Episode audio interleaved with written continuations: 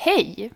Välkomna till avsnitt 27 av Slow Swedish with Katrin.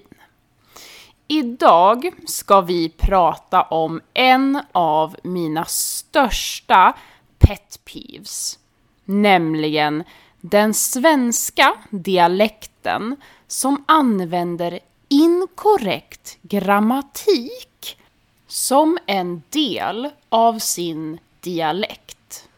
Varning för rant.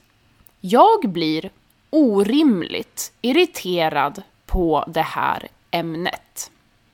Men först går vi igenom några ord som kan vara bra att kunna inför dagens avsnitt. Vissa. Sam. Att störa sig på. To be annoyed or bothered by. Upprörd. Upset. Innehåller. Contains. Gulligt. Cute. Norrifrån. From the north. Att tappa det. To lose it. Det räcker. It's enough. Det är en sak. It's one thing to. Provocerad. Provoked. Lägga på minnet. Add to your memory. To remember. Förvirrad. Confused. Punkt slut. Period. The end. End of story. Till att börja med är en dialekt en version av ett språk som pratas i ett specifikt geografiskt område. Som göteborgska, skånska och östgötska. Dialekter kan innehålla olika uttal av ord, men också helt andra ord än andra dialekter på samma språk. Jag tycker inte jättemycket om dialektala ord, men de kan jag ändå acceptera. Vissa områden i Sverige använder andra ord för saker. Så är det bara. Och jag får välja om jag vill störa mig på det eller inte. Men något jag inte kan acceptera. Något som gör mig upprörd varje gång jag hör det är när en dialekt har uttryck som innehåller grammatiskt inkorrekt svenska. Att säga saker inkorrekt kan ju bara inte vara en del av en dialekt.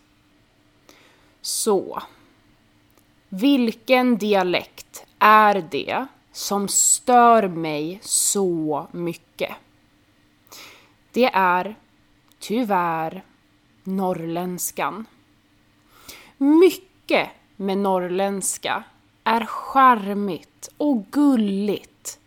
Men när en person norrifrån använder ett adjektiv i singular för att beskriva personer i plural tappar jag det. Korrekt svenska låter så här. När vi kom hem från jobbet var vi trötta. Vi var också hungriga, så vi åt lite mat. Det är tyst i lägenheten, för våra grannar är väldigt tysta.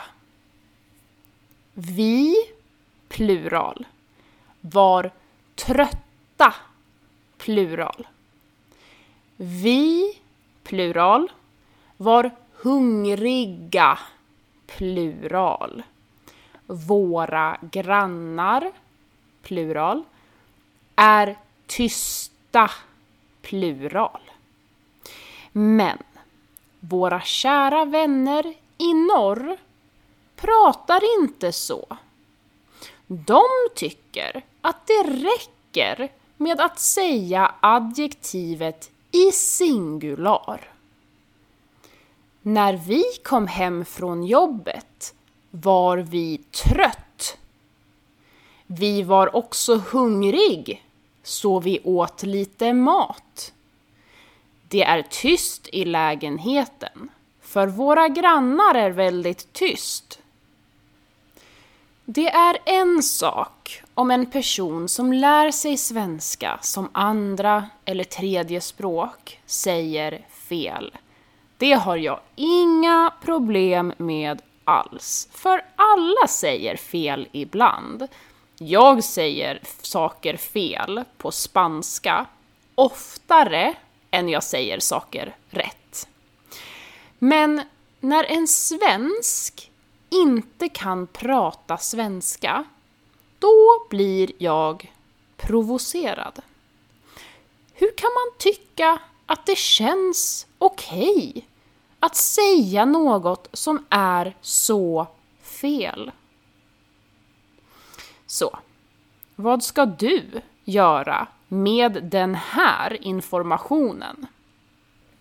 Jag tycker att du ska lägga på minnet att det inte är värt att lära sig svenska av norrlänningar. För då lär man sig fel. Och om du hör en norrlänning använda adjektiv i singular någon gång, ja, då vet du att det inte alls är korrekt och du behöver inte bli förvirrad. Jag hoppas även att du har lärt dig nu att om man ska beskriva fler än en sak, då måste man använda adjektivet i plural. Huset är fint. Husen är fina. Personen är hungrig. Personerna är hungriga. Jag är trött. Vi är trötta. Personer och objekt i plural kräver ett adjektiv i plural. Punkt slut.